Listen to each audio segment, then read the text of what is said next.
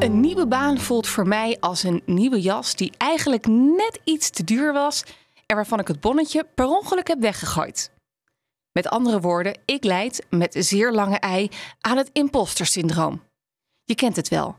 Het compleet overweldigende gevoel dat je denkt: maar dit kan ik toch helemaal niet?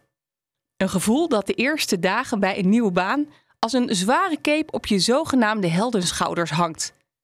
Vandaag is mijn eerste dag op kantoor. De ruimte voelt droog aan en het handenschudden moment is post-pandemie verheven tot een stilzwijgend doet hij het of doet hij het niet moment. Alles voelt awkward. Ik ben ook nog ongesteld. Dag 2. En dat betekent een superplus tampon en maandverband. Ik heb ook het zekere voor het bloedige onzekere genomen en een donkerblauwe broek uitgekozen. Het kantoor is recentelijk verbouwd, modern, en ik zie allemaal kleine cubicles, a.k.a. mini-vergaderruimtetjes, waar ik me eventueel kan verschuilen mocht het nodig zijn. Fijn. Ik loop langs een afdeling waar vier mensen, à la The Office, over hun beeldschermen een gesprek proberen te voeren. Ik vermoed dat het gaat over het ruime aanbod van het theeassortiment. Deze heeft namelijk ook bij mij een diepe indruk achtergelaten.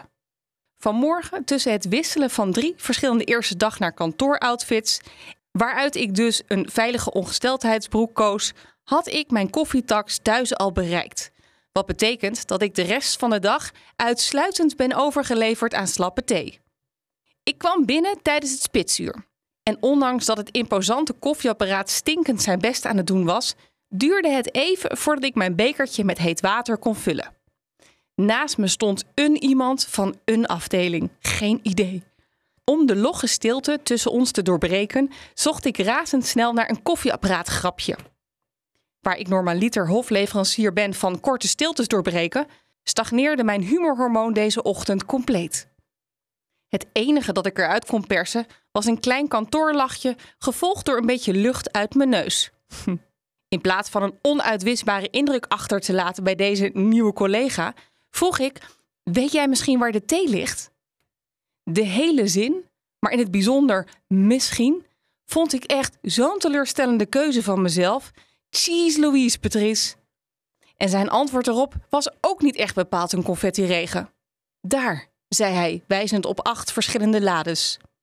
Dank je, was mijn repliek, en ik liep er onzeker op af. Thank God was de tweede lade raak. Een oase aan theezakjes staarde me aan.